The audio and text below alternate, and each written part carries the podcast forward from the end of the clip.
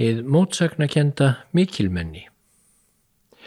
Margir hafa gegnum tíðina verið veikir fyrir Woodrow Wilson bandaríkjaforsetta sem barðist gegn auðringum og fyrir mannréttindum og alþjóða samvinnu. En í miðri sál Wilsons virðist hafa verið förðulegur brestur. Frásögninum hann byrtist fyrst í fréttablaðinu 14. desember 2013.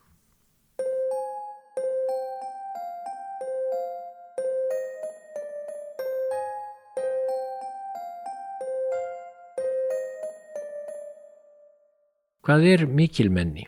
Menn sem kom einhverju stórfenglegu til leiðar skildi maður ætla. Það væri einfaldasta svarið. Einhverju sem aðrir menn hafi ekki getað hreift eða ég vil ekki einu sinni dottið í hug, eitthvað því umlíkt væri það ekki brúkleg skilgreining. Eflaust. En hversu gallaðir mega þá hinnir miklu menn vera til þess að vera sviftir nafnbót mikilmennisins? Því fór ég að velta fyrir mér eftir að hafa skoðað svolítið æfistörf og skoðanir manns sem löngum þótti einn af hinnum frábærustu í rauðum bandaríkjaforsetta. Það er maður sem vann vissulega ímisleg afreg í starfi og vildi vinna þau ennþá fleiri. Hugmyndir hans um skipan heimsmála voru flestar bæði góðar og framsæknar og ef hann hefði ekki vext ítla undir lok starfstíma síns og ekki náð að fylgja þeim hugmyndum sínum eftir, þá getur verið að heimurinn hefði sloppið við eitthvað af þeim hörmungum sem síðan dundu yfir og kristölluðust í síðara heimstyrjöldinni. Sem sé, aðdánar verður maður, er það ekki? Já, því er ekki neyta að Woodrow Wilson sem var bandaríkja fórseti frá 1913 til 1921 hefur hlotið hinn bestu meðmæli, yfirleitt. Bandarískir sagfræðingar hafa hann undantekningar löst í hópi hinn allra efstu á listum yfir sína mikilfenglegustu fórsetta og hann er þar í kátum hópi Rooseveltana tveggja, Jeffersons, Washingtons og náttúrulega Lincolns. Og í Evrópu hefur Woodrow Wilson verið efil enn meiri metum en Vestanhafs en það reyndi hann eftir fyrir heimstyrjöldina að koma á þeirri nýju heimskipan sem hann og fleiri töldu nöðsynlega til þess að koma í vekk fyrir annan hildarleik af sama tægi. Það tókst ekki, reyndar, en Wilson hefur æfinlega verið metinn í Evrópu fyrir að hafa þó reynd. Þannig er óhætt að segja að Wilson hafi verið hinn besti maður, en það ekki, ósvikið mikilmenni. En nei, það er nefnilega ekki hægt. Einn þáttur í fari Wilsons var nefnilega svo ógeðfeldur að það hlýtur að varpa skugga á hina sem jákvæðari voru og þessi þáttur verður raunar æmeira ábyrrandi og talin mikilvægari eftir því sem tímar líða. Wilson átti mjög óvenjulegan feril af bandaríkja fórsetið að vera. Lang flestir þeirra hafa komist í ennbætti eftir að hafa unnið sig upp í gegnum stjórnkerfið eða þá verið sigursælir herfóringjar. Þetta eru menn sem sem sagt hafa alla tíðlátið hendur skipta í ýmsum skilningi. Wilson, hann var hins vegar fræðimaður umfram allt. Hann fættist 1856, fadir hans var guðfræðingur og sjálfur las hann lög, mannkinsögu og stjórnmálafræði. Hann fór að skoða bandaríst stjórnkerfi og fann því margt til foráttu. Hann benti á spillingu og samtrykkingu politískara smákonga sem sköruðu eldað eigin köku en hýrtu ekki um þarfir fólksins í heild. Hann sá meinbugi á þingræðinu eins og það var praktiserað vestra og hann gaggrindi hver litla ábyrð stjórnmárumenn bæru í raun á gerðum sínum. Auðugir yðnjöfrar réðu svo bak við tjöldin því sem þeir vildu ráða. Þetta eru kunnuleg umkvörtunar efni, rúmum hundrað árum eftir að Wilson fór að láta til sín taka en sjálfur reyndan að leggja sitt af mörgum til að betrum bæta samfélagið í kringum sig með því að gerast rektor Princeton háskóla. Þar vakt hann aðtikli fyrir að berjast gegn áhrifum auðmanna við stjórn skólans og krefjast híklaust samfélagslegurar ábyrðar. Princeton í þjónustu þjóðarinnar og allra þjóða varð óopimbert motto skólans fyrir atbeina Wilsons. Ög þess skrifaði Wilson heilmikið um sögu bandaríkjana og hann skrifaði nokkur stutt heimsbyggileg verk sem gengur líka út á þá ábyrð sem hann vildi að menn tækju á eigin lífi og annara. On Being Human hétt ein bókin. Hugsaðu vel um annað fólk stóð þar, gefið þér alltaf tíma til að íhuga hlutina vel, vertu alltaf til reyðu fyrir aðra.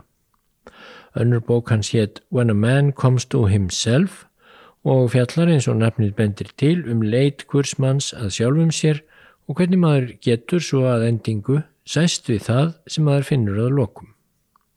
Viðkonanlegu maður, Wilson, og já, það fannst mörgum. Hann varð heilmikil hetja í fjölmiðlum út á baráttu sína gegn klíkunum við Princeton háskóla og 1910 ákvaðan að láta slagstanda og útvíkka baráttu sína fyrir betra samfélagi.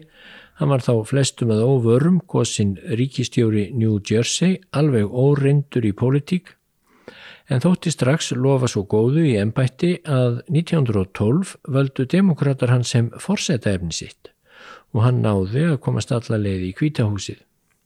Baráta hans var háð á grunni mannréttinda, ekki réttinda auðringa og í kvítahúsinu gerðist Wilson afar umsvefa mikill fórseti.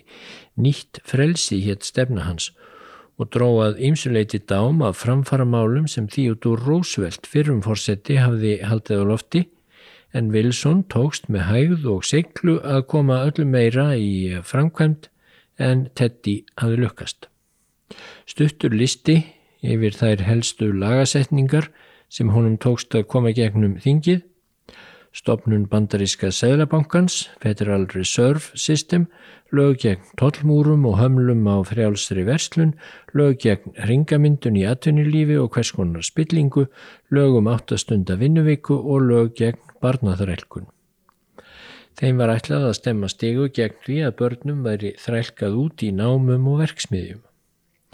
Reyndar úrskurðaði hæstiréttur bandaríkjana að barnalögin bryttu í báa við stjórnarskrá og kaupsíslumennum yrði að vera heimilt að ráða börn í vinnu eins og það var orðað en lögin síndu þó góða viðlitni og sveipu lög voru svo á endanum sett nokkru setna.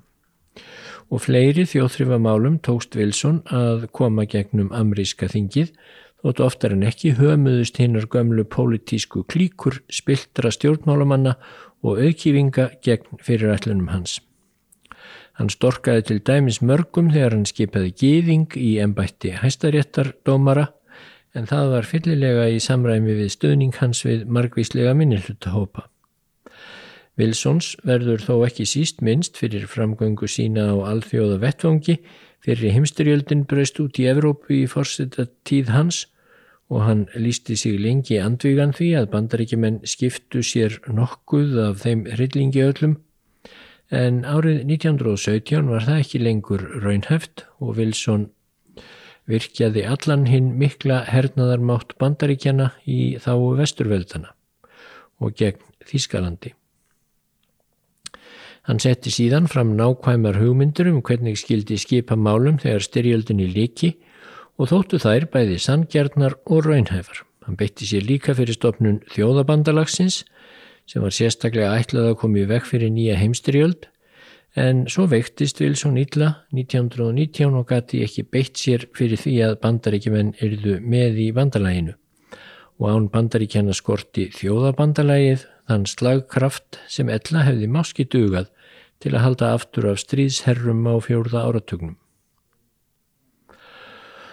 Og enn virðist okkur Wilson viðkunanlegur og velmeinandi. Það er erfitt að verjast þeirri niðurstöðu og jáfnvel að hann hafi verið sangkallað mikil menni. En þá kemur hinn rótna rúsína í pilsuendanum. Staðrindin sem hlýtur að kollvarpa áliti nútíma manna og Woodrow Wilson og gera hann í raun óskiljanlegan. Maðurinn var nefnilega rasisti. Meðan hann var rektor Princeton Þá laðist hann gegn því að svartir námsmenn fengju skólavist. Hann lísti hvað eftir annað yfir skilningi sínum á baráttu hinn að ílræmdu ofbeldisegja í Ku Klux Klan gegn jafnrétti svartra í bandaríkunum og hann jók mjög aðskilnað kvítra og svartra í allri stjórnsýslu Vestanhafs. Hann neytaði að skipa svertingja í nokkur mikilvæg ennbætti í höfuborginni Washington og hann beitti sér fyrir því að svartir menn þertu til dæmis að nota sérstök klósett á ofinberum stöðum og þess áttar. og er þá fátt eitt talið. Allt þetta gerði Wilson undir því yfirskinni að það væri svertingum sjálfum fyrir bestu en í raun var hann einfallega kynþáttahattari og ekkit annað.